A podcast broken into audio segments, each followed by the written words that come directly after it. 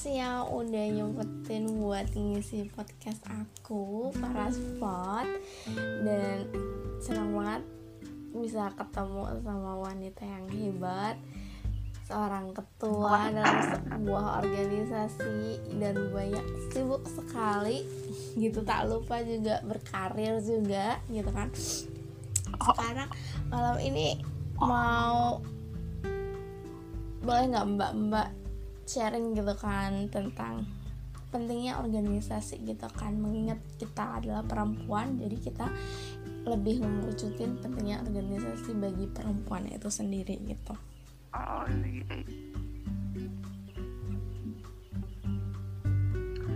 Oke jadi uh, kalau dibilang pentingnya organisasi sih ya emang penting banget sih minta kalau buat saya pribadi ya hmm. kalau ini saya ini dulu nih. Saya tuh aktif itu sih sebenarnya sejak kuliah semester semester awal. Jadi memang udah apa ya udah merasa butuh cukup butuh.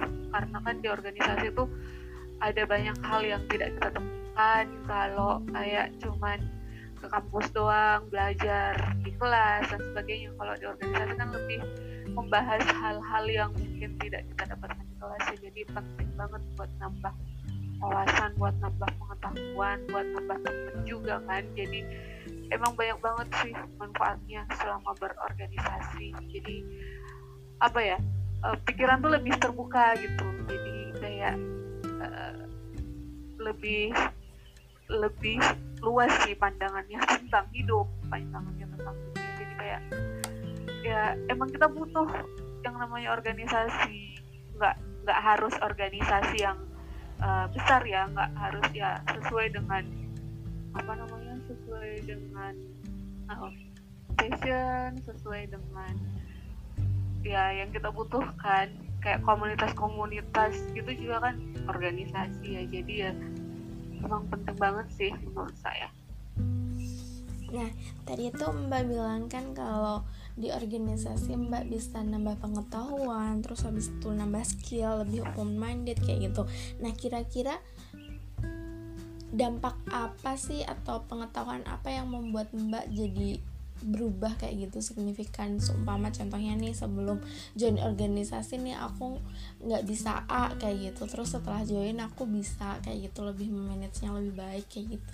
Kasih dong mbak kita contohnya gitu apa ya contohnya ya? Jadi uh, memang sih sebenarnya kalau dibilang aktif-aktif organisasi itu pas uh, di kuliah ya. Tapi sebelumnya itu udah udah ada bekal sih dari kampung gitu. Jadi uh, udah ini maksudnya udah ada bekal di kampung ada juga buat uh, kreativitas kreativitas gitu. Jadi mungkin kayak pengetahuan yang mungkin sebelumnya nggak berani tampil di, di depan umum nggak berani apa sih ya lebih banyak takutnya sih kalau disuruh kayak jadi MC disuruh uh, pidato atau apa dan sebagainya. Nah kan di organisasi ya kita diajar untuk berpendapat banyak uh, diajar untuk uh, lebih banyak berbicara begitu kan lebih uh, retorika gimana kemudian dia harus berani tampil di depan melakukan apa namanya? Ya pokoknya jadi aktivis itu harus harus selalu inilah uh, bisa memberikan manfaat untuk orang lain kayak gitu kan. Kalau sebelumnya kan mungkin ini ya ada rasa risih ada rasa malu eh yang tampil di depan? Kayak gitu. Bicara nggak bisa nggak tahu nggak tahu mau ngomongin apa. Tapi kan kalau udah uh, gabung di komunitas di organisasi pasti adalah cara uh, untuk membangun kepercayaan diri dari teman-teman untuk Iya minimal itu sih di awal membangun kepercayaan diri untuk bisa ngomong di depan orang banyak dan bisa berpendapat bisa jadi kalau berpendapat pun nggak asal nggak asal ini ya nggak aspun ya nggak asal bunyi ya jadi kita punya sudah punya wawasan tentang apa yang dibicarakan karena di organisasi pasti uh, kita harus update dengan isu-isu yang uh, ada isu-isu yang terkait uh, dengan kehidupan di sekitar. Itu sih kalau dibilang perbedaan sangat signifikan ya lebih ke ini lebih ke itu tadi bagaimana memanage waktu itu penting ya. Kalau kata teman saya itu berorganisasi itu adalah cara hidup. Kenapa uh, berorganisasi itu adalah cara hidup? Karena organisasi itu mengajarkan kita untuk betul-betul memanage uh, waktu apalagi perempuan ya. Uh, apa namanya banyak banyak apalagi kalau kayak sekarang saya uh, kayak ya organisasi juga ngajar juga kemudian beberapa aktivitas-aktivitas yang lain. Jadinya ya harus betul-betul bisa memanage waktu kapan uh, waktu di organisasi kemudian kapan waktu uh, di pekerjaan kapan waktu di tempat lain. Jadi memang ya berorganisasi itu adalah cara hidup mengajarkan kita banyak hal gitu. Karena kan sebenarnya kalau kayak di pekerjaan juga kan itu bagian dari organisasi tapi organisasi perusahaannya iya benar banget. Ya itu sih Nita tadi mbak nyebutin bahwa organisasi adalah sebuah cara hidup kayak gitu. Ini mbak udah join berapa organisasi selama hidupnya mbak gitu nggak banyak sih saya tidak terlalu maksudnya saya tidak terlalu melang melang buana ke mana-mana gitu kan. Jadi memang uh, ya mulai dari SMA gitu kan udah ditempa di kampus jadi kita dulu tuh di kampus bikin uh, namanya kompak gitu kompak dari uh, kompak kelompok fragmen kemerdekaan itu awalnya. Jadi memang karena tiap uh, Agustusan itu ada acara besar di kampung kan iya. kita bikin ini kita anak-anak muda mau ngapain gitu kan? Ngasih persembahan apa 17 Agustus? Gitu-gitu aja gitu. Uh, akhirnya karena emang udah ada beberapa uh, udah ada beberapa anak muda yang memang sudah kuliah. Kalau dulu kan dari kampung itu kuliah orang-orang kuliah itu kan terbatas ya. Yeah. terbatas. Nah dari situ mulai oh ya kita bikin organisasi kelompok ini di fragmen kemerdekaan. Jadi itu tuh kita tuh sampai uh, ya bikin kelompok itu memang cuma buat uh, kayak teater kayak teater gitu kan. Nah itu hmm. tiap ada kegiatan sampai di kecamatan itu kita dipanggil. Jadi uh, terus akhirnya dari situ kita mulai bentuk yang namanya barisan muda kreatif gitu. Dan terus saya ikut uh, IRM itu ikatan remaja Muhammadiyah emang udah dari SMP dari SMP terus uh, sempat vakum terus lanjut lagi udah ke IPM ikatan pelajar Muhammadiyah ya udah sekarang ya masih tetap di ini di Parpam Muhammadiyah di Datul Aisyah jadi kalau dulu kan di kampus emang kalau di kampus kan paling sama senior senior buat kegiatan-kegiatan yang lain nggak sempat yang ini nggak sempat yang terlalu jauh ikutinnya gitu kan di lembaga dakwah kampus. Kemudian uh, uh, cuman ini apa rajin ikut-ikut komunitas-komunitas yang kayak komunitas uh, anti korupsi komunitas-komunitas yang lain yang ini yang memang uh, memberikan manfaat lah untuk orang orang di sekitar. Terus ya ikuti lembaga penanggulangan bencana. Terus sih sama kalau memang teman-teman kayak butuh uh, relawan-relawan buat ngajar ya biasanya saya ikut.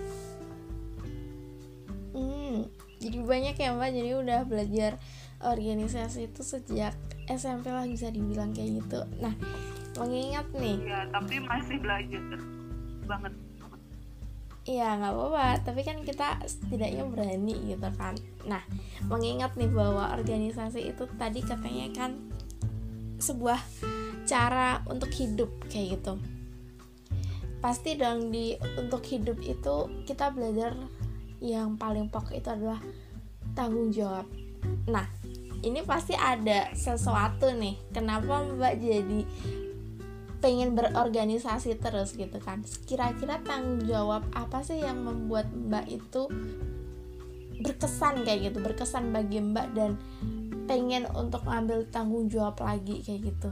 Pasti kan kalau pengalaman saya ya gitu saya takut buat ambil tanggung jawab ini kayak gitu. Tetapi setelah saya ambil ternyata saya menikmati dan akhirnya pengen lagi nih aku melakukan tanggung jawab lagi kayak gitu. Dan ada sesuatu yang pengen aku rubah gitu. Kalau mbak kira-kira apa sih? Di mana terus tanggung jawabnya apa? Apa yang mbak lakukan? Uh, dibilang tanggung jawab ya sih. Uh, berorganisasi itu sebenarnya ada tanggung jawab yang kita pikul ada ada banyak hal yang harus kita lakukan. Nah kalau saya sih lebih ke ini ya sebagai manusia tuh memang ya kita saling membutuhkan kita harus saling membantu. Ya harunas tanpa umpinas uh, eh, sebaik-baik manusia adalah yang bermanfaat bagi orang lain. Nah kalau kita sendiri kan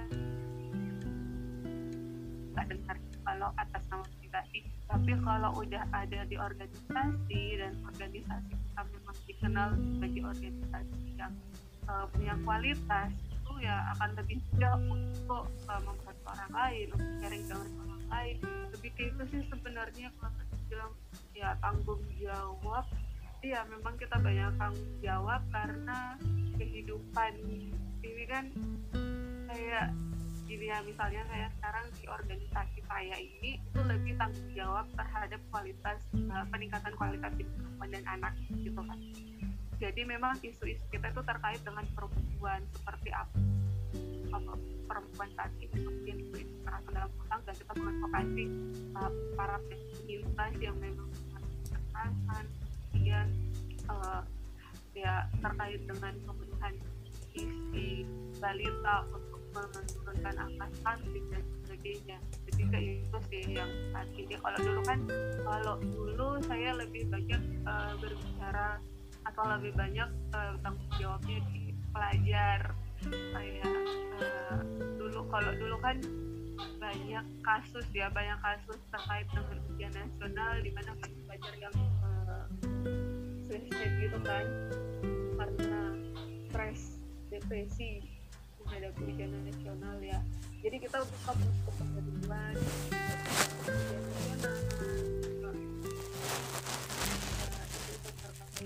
buku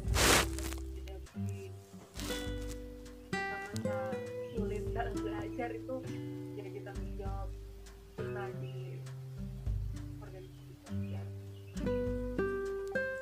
kalau dibilang ini kok kayak ini ya tanggung jawab itu kan berat ya mm udah dikasih tanggung jawab ini kok tapi kayaknya memang kayak kayak berorganisasi itu candu ya entahlah jadi kayak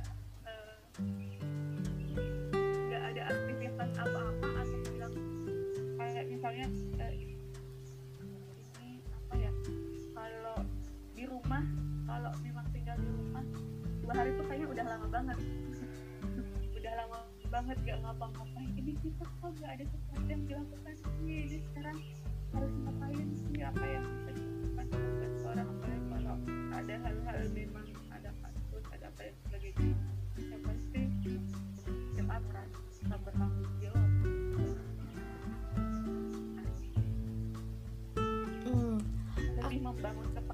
sih berorganisasi oke okay, mbak ini nih. Tadi mbak bilang bahwa organisasi yang berkualitas itu yang mbak ikutin kayak gitu. Kira-kira nih sebagai seorang wanita selain mengikuti passion apalagi sih yang perlu kita pertimbangkan gitu dalam mengikuti organisasi atau organisasi seperti apa sih yang perlu kita ikutin gitu untuk mengembangkan diri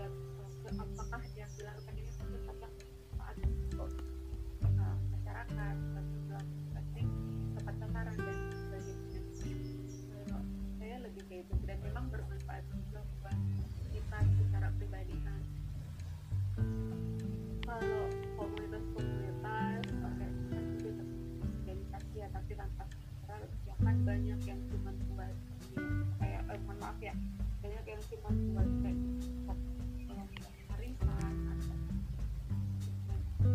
buat apa sih kayak geng-geng gitu kan. Mm-mm. jadi lebih ke input dan outputnya yang harus diperhatikan. Input dan output ya penting banget buat kita pertimbangkan saat memilih organisasinya. Apa dampaknya ke kita juga dan apa dampaknya ke sosial kita juga gitu. Nah selanjutnya nih mbak. Tantangannya ikut organisasi bagi mbak itu apa aja sih?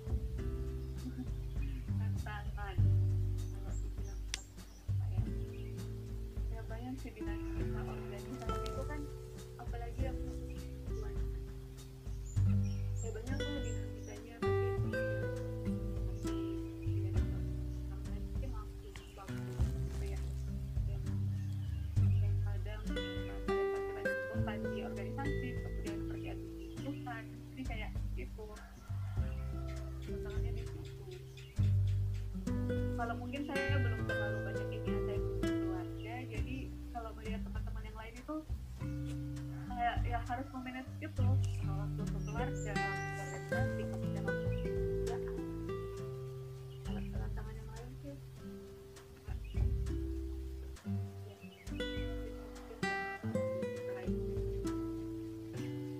jadi lebih ke waktu bagaimana kita memanajemen waktu itu sendiri ya mbak yang buat jadi tantangan tuh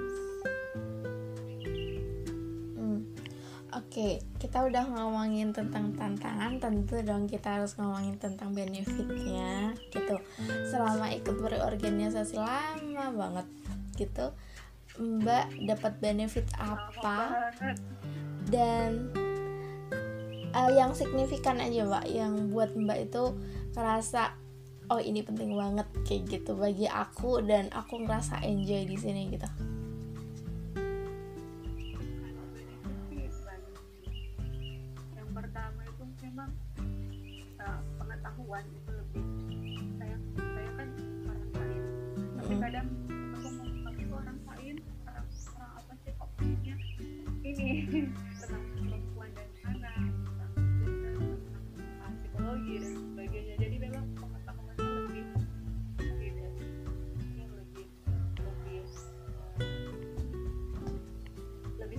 variatif lah kayaknya ya bukan Mm. lebih banyak juga tapi lebih variatif Mm-mm.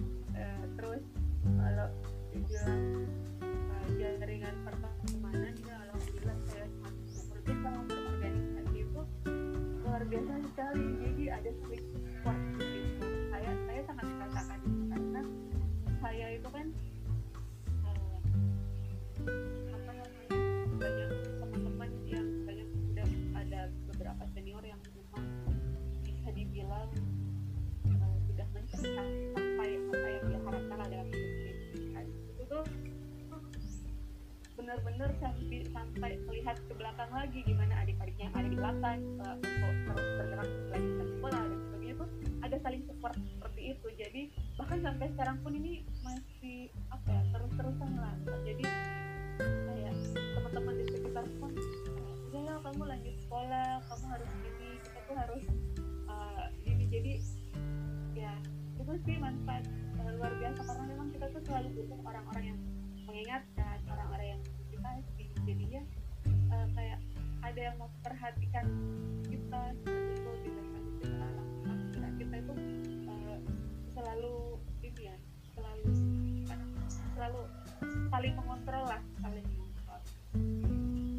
Ya jadi kalau dibilang uh, benefit ya luar biasa sih bisa punya teman di mana-mana kan kayak kadang juga kalau misalnya uh, ada aktivitas-aktivitas di luar organisasi tuh tetap kita tuh saling ini tetap, tetap saling komunikasi meskipun bukan organisasi jadi kayak uh, persaudaraannya tuh udah kayak uh, hubungan emosional lah gitu di antara uh, sesama teman meskipun bukan berasal dari daerah yang sama ya. Kita tuh tetap ada komunikasi jadi misalnya begitu saya lain tinggal telepon teman-teman yang ada di sana saya ada di sini saya di sini boleh saya minta bantuan dan sebagainya. Jadi emang sih yang saya rasakan selama ini lebih terpindahkan di setiap aktivitas dilakukan Hmm, jadi benefit yang paling signifikan tuh adalah selain pengetahuan, soft skill juga network itu sendiri yang penting bagi kita gitu. Di mana kita pun nggak tahu ya mbak siapa sih yang akan bantu kita atau siapa sih yang mungkin jadi jodoh kita kayak gitu. Jadi semakin banyak network semakin banyak network semakin apa ya semakin terbuka lah pintu kita untuk mendapatkan hal-hal yang baik kayak gitu sebagai seorang wanita? uh, jadi kadang tuh ini ya kadang tuh kalau misalnya pergi ke satu daerah yang memang baru saya ini tuh kadang pas-pas juga ini ini menyampai di mana kayak di mana jadi saya hubungin teman yang satu dihubungkan dengan teman yang lain itu udah langsung ketemu. Jadi kayak ah, makanya saya tuh nggak pernah dikasih tugas nih ke daerah satu daerah yang belum pernah saya kunjungi terus pokoknya harus sendiri. Itu saya nggak pernah mundur langsung oh ya insya Allah saya berangkat gitu insya Allah saya berangkat. Udah urusan nanti mau nyampe di mana ketemu sama siapa itu urusan belakangan nanti ya nanti mungkin ini deh ketemu dia punya kenalan di sana gitu. Jadi kayak nekat-nekat gitu jadi di kontaknya mbak itu pasti ada embel-embel wilayah gitu loh dari Sabang sampai Merauke. Nah, oh, itu wajib itu. Itu wajib. Oh. Biar gak nyasar kan. Oke oke oke. Ini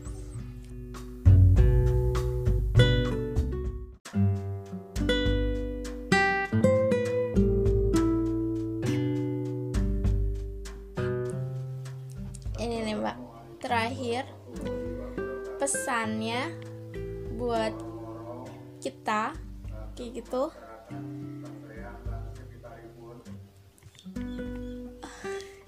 pesannya buat kita pesannya buat kita untuk tetap berorganisasi dari ketua NA dan juga organisasi di kemanusiaan.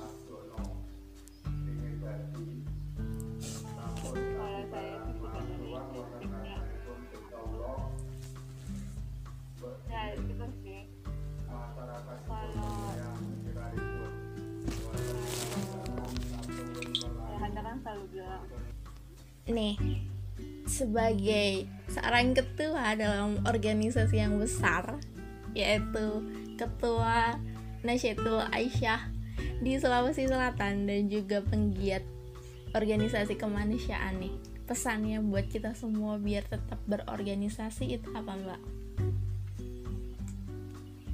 Terutama buat perempuan.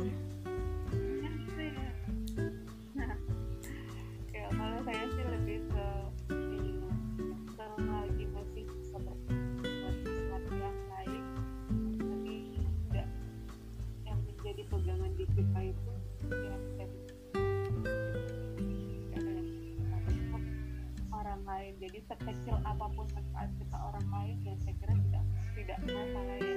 Kita benar lagi ada dulu mencari saya kira penting buat kita uh, karena perempuan juga butuh uh, pengetahuan yang lebih luas sebagai apa sebagai madrasah pertama yang yang sudah berkeluarga itu kalau dibilang pengetahuan-pengetahuan terkait parenting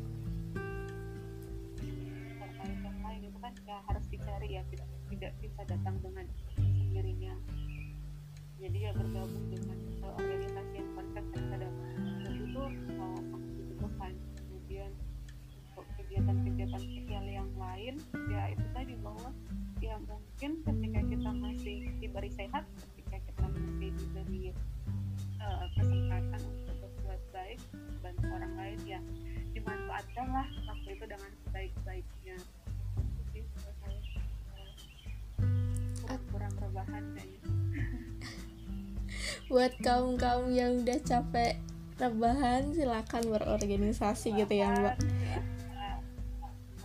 jadi bahkan sekarang pun masa pandemi ya minta ya mm -mm. masa pandemi sebenarnya uh, kalau dibilang aktivitas di luar itu dikurangi tapi ya melalui online. Ya kayak gini sekarang kan kita Mm-mm. udah manfaatkan Spotify jadi udah luar biasa banget uh, dari hal-hal yang seperti ini. Dan sekarang udah beralih ke sosial media untuk aktivitas uh, kegiatan yang sebelumnya harus uh, bertemu langsung ya udah sekarang kita tuh lebih banyak webinar-webinar lebih banyak uh, ya, sosial media gitu.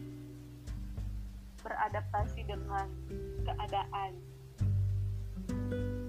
Jadi meskipun kita di rumah aja, tetapi kita tetap bermanfaat buat orang lain dan juga tetap nambah ilmu gitu ya Mbak. Oke, makasih Mbak Wati atas waktunya dan juga sharingnya. Semoga ilmunya dapat bermanfaat dan memberikan sesuatu yang apa ya berimpact besar buat kita kayak gitu. Makasih Mbak Wati. Semoga kita bisa ketemu lagi buat bahas yang lain.